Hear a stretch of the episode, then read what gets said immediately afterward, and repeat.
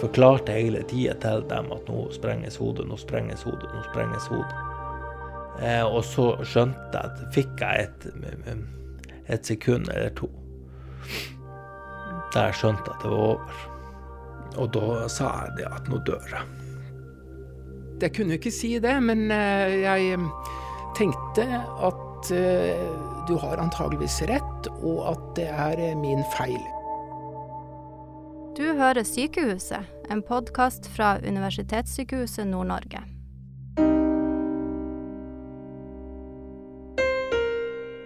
Ja, nei, her så har jeg gjort alt.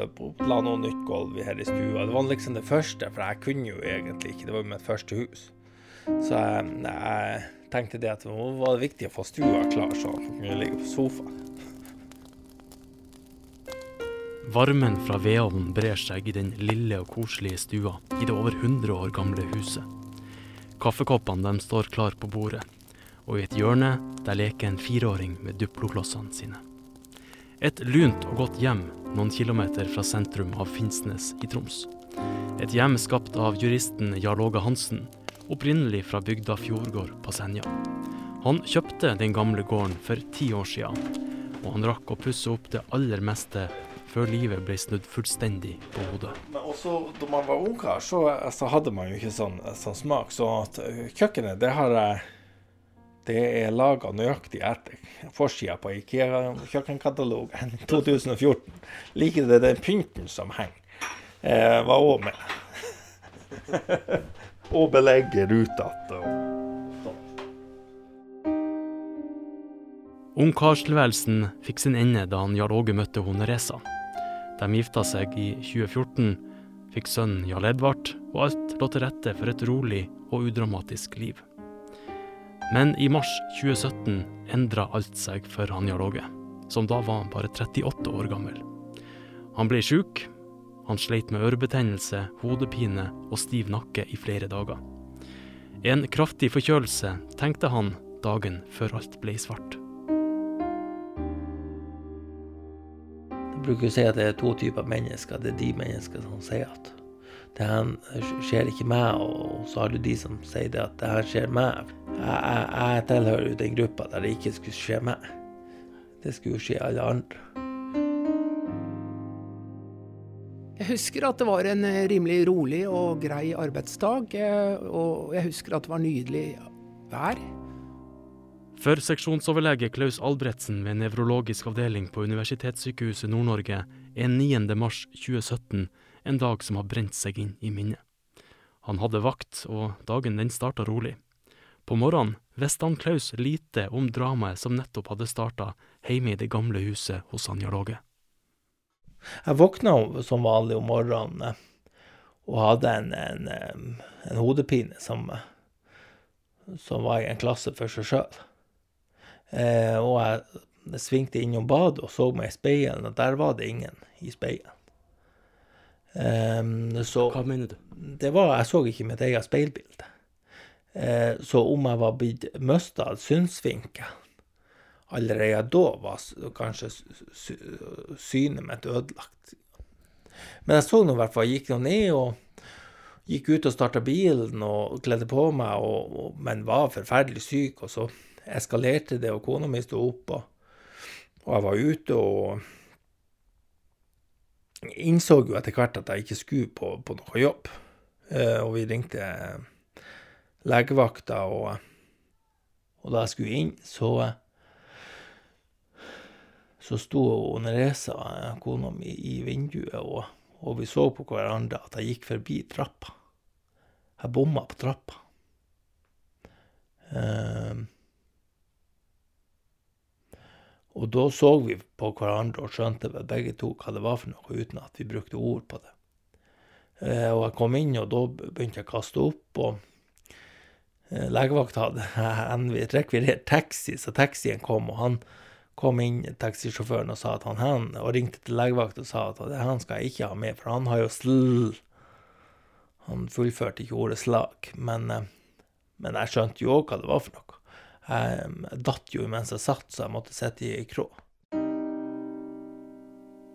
På legevakta på Finnsnes ble det nå slått alarm. Mistanken om et alvorlig hjerneslag var sterk, og vakthavende nevrolog Klaus ble kontakta. Jeg tenkte dette er en ung mann med plutselig innsettende nevrologiske symptomer. Han må vi bare få fort inn, for det kan være noe alvorlig. Så jeg sa til legen på Finnsnes du må sende han så fort du kan. Det er 16 mil å kjøre fra Finnsnes til Tromsø. Så god tid hadde de ikke, så det ble bestilt helikopter. Værgudene spilte heldigvis på lag.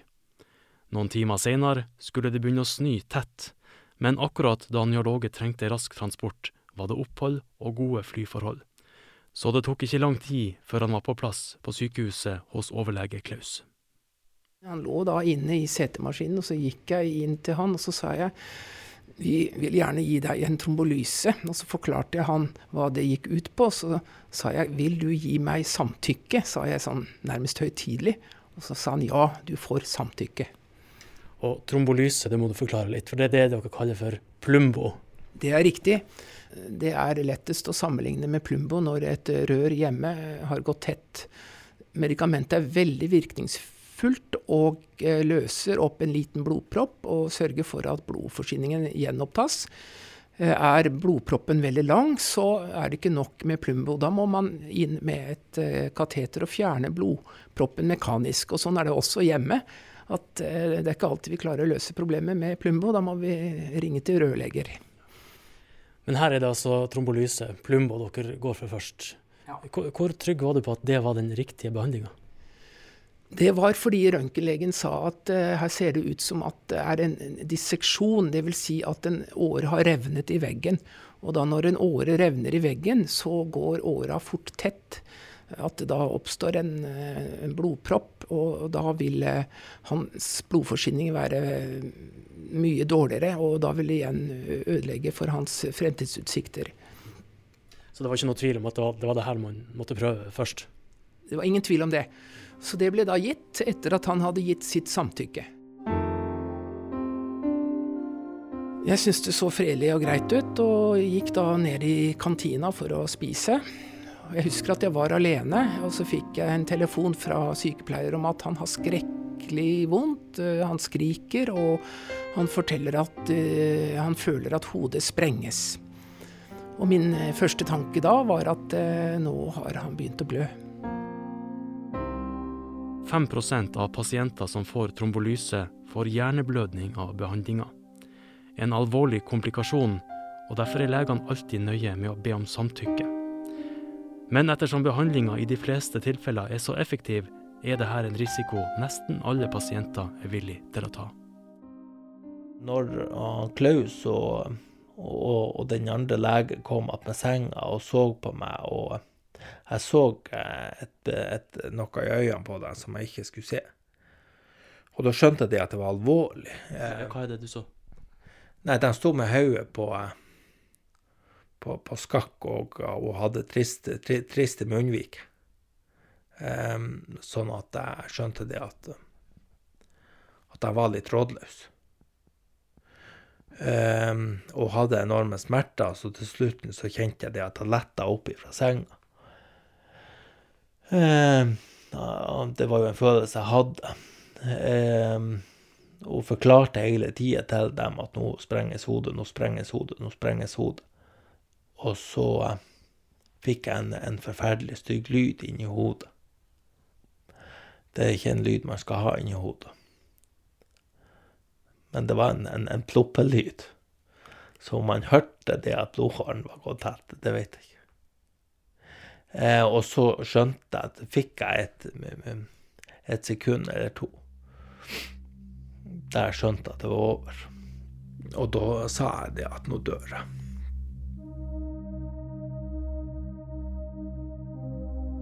Jeg kunne ikke si det, men eh, jeg eh, tenkte at du har antageligvis rett, og at det er min feil. Og det som er det veldig dramatiske i denne situasjonen, er jo at Eh, på vei til røntgenavdelingen, fra vår avdeling og dit er det jo ikke mer enn litt over 100 meter, 150 meter. Men på vei dit så han, slutter han å puste. Sånn at vi må ringe anestesilege og få uh, lagt inn et uh, pusterør ned i lungene. For han pustet ikke selv lenger. Hvordan hadde du det inni deg da? Ja, da hadde jeg det veldig vondt. Jeg tenkte Klaus, dette er din siste vakt. Du kan ikke gå vakt lenger. Hvorfor ikke? Jeg følte vel at det å være ansvarlig for å gi en behandling som fører til at du mister en pasient, det er så tung bør å bære at uh, Ja, iallfall da var det intet ønske om å ta noen flere vakter. Det er noe av det verste vi leger kan oppleve. At vi i det godes hensikt vi skal redde liv, vi skal eh, hindre alvorlige sekvele og senfølger. Det å rett og slett eh, gjøre vondt verre. Det var en av sykepleierne fra sengeposten vår som observerte meg i den situasjonen. Og hun la merke til hvor gusten og blek jeg var, og hvor utilpass jeg var.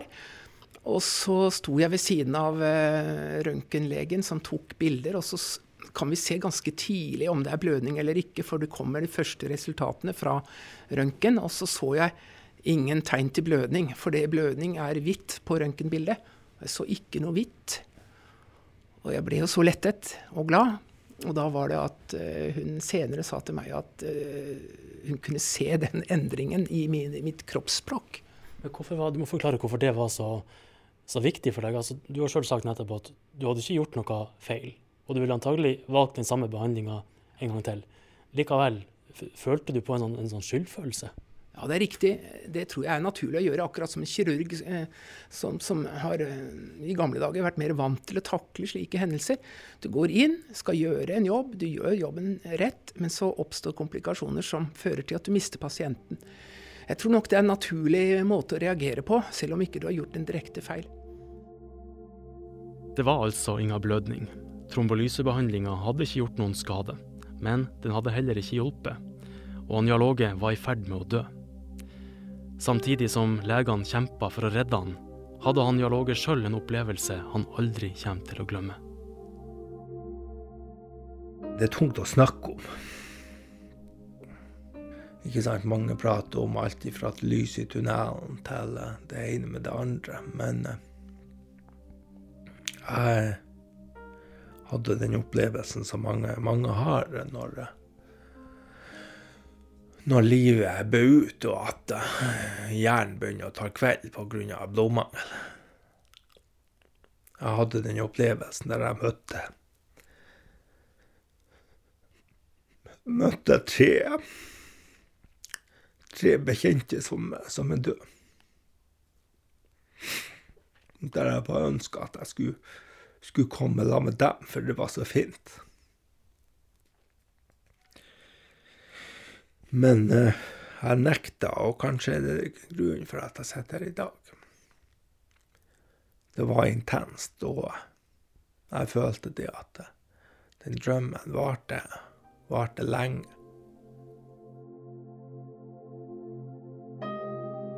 De nye CT-bildene viste at tre av de fire halspulsårene som forsyner hodet med blod, hadde kollapsa. Det hadde oppstått rifter i åreveggene, som gjorde at blodet ikke kom seg forbi. En uhyre komplisert og sjelden tilstand for en mann i så ung alder. Overlege Jon André Totland ved røntgenavdelinga var den som nå skulle prøve å redde livet til han Låge. Et tynt kateter ble ført opp til halspulsåren via et snitt i lysken. Jeg visste ikke at vi kom til å få et godt resultat. Det var på ingen måte sikkert for meg at dette kom til å gå kjempebra.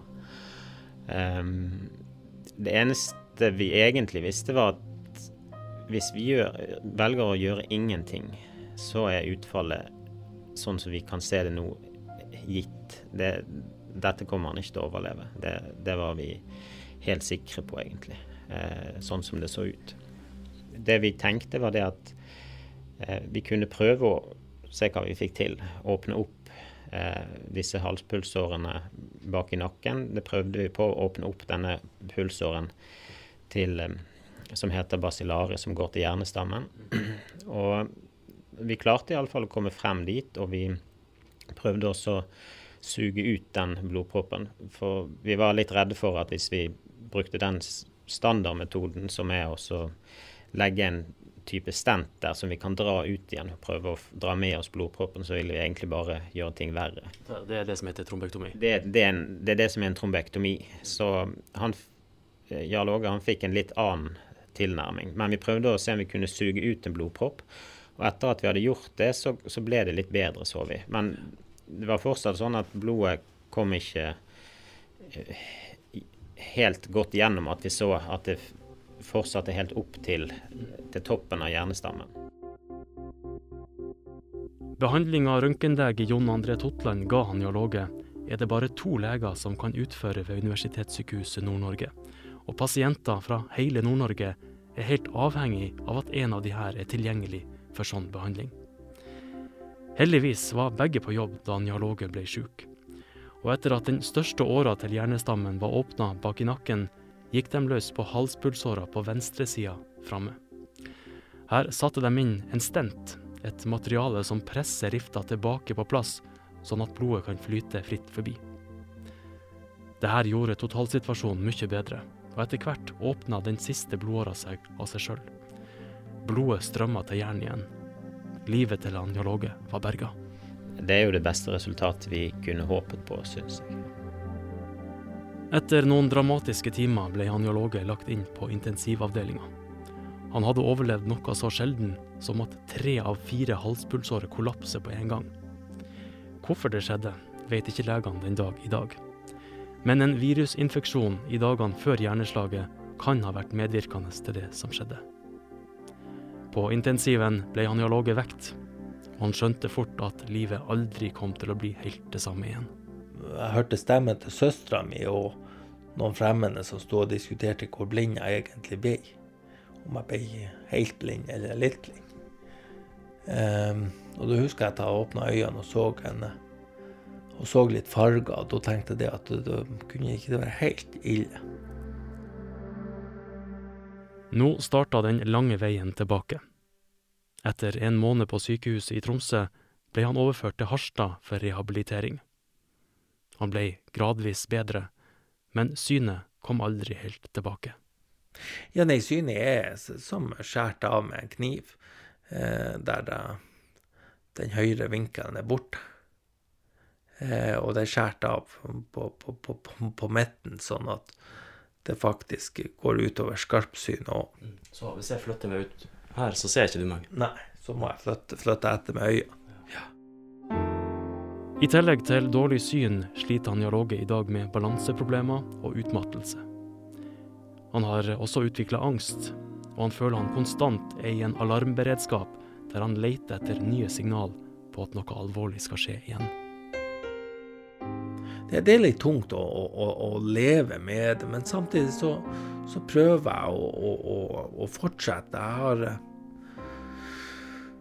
for ikke så mange år siden har jeg um, gifta meg og, og, har fått en gutt, og han er fire år. Og, og det, det, var nå en av grunnene for at jeg, jeg nekta å følge med de, de som tok imot meg, i den drømmen, som jeg sier.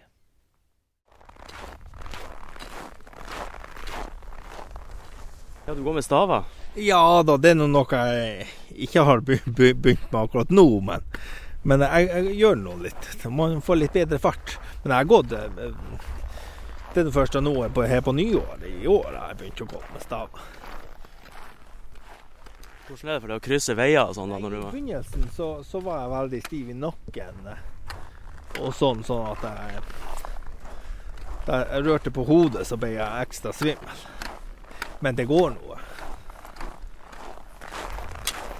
Hvordan kjennes kroppen når du går sånn her? Nei, altså. Jeg kjenner jo, Nå har vi jo prata mye, og sånn, så jeg kjenner meg sliten i, i, hodet. Det er jo liksom hodet som man må hvile.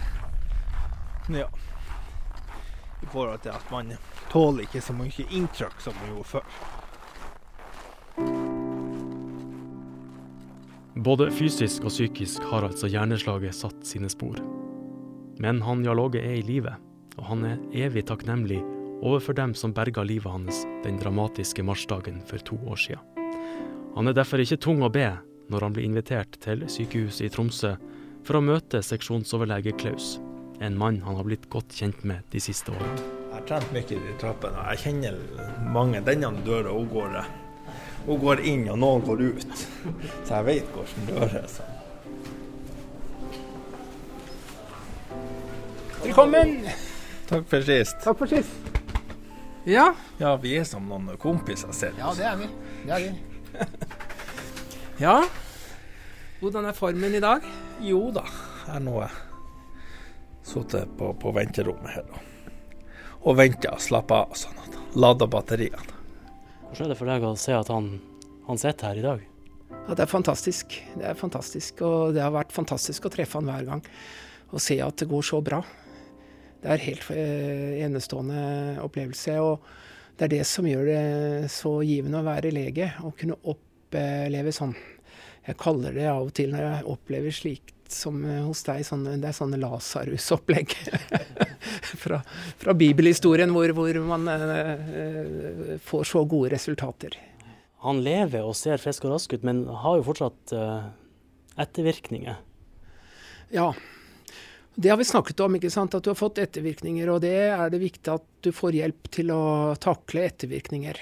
Men innerst inne så opplever jeg når jeg treffer deg, at eh, du har en sånn indre glede over eh, livet. Og at eh, du er veldig takknemlig på at dette gikk bra. Og det må du bare ta med deg veien videre. Så det er det aller viktigste. Jeg har fått en gave og fått en bonus.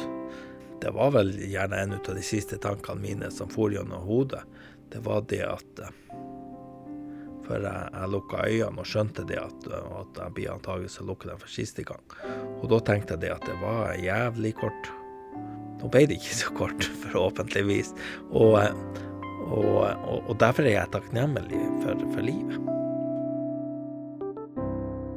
Og så er det sånn, jeg må jo bare si at eh, jeg har fått eh, fin eh, julegave to år på rad fra deg. En nydelig blomsteroppsats, sånn julestjerne. Både i fjor og i forrige fjor. Som jeg sa. Hvorfor gjorde du det? Det har jeg jo eh, følt at jeg må, må ha en tradisjon på. Så det kan du vente deg. Jeg trodde jo det at ansiktet ditt var det siste jeg ble å se. Eh, og det trodde vel kanskje de fleste. Um, sånn at eh, du har hatt og har en, en spesiell plass i, i livet mitt.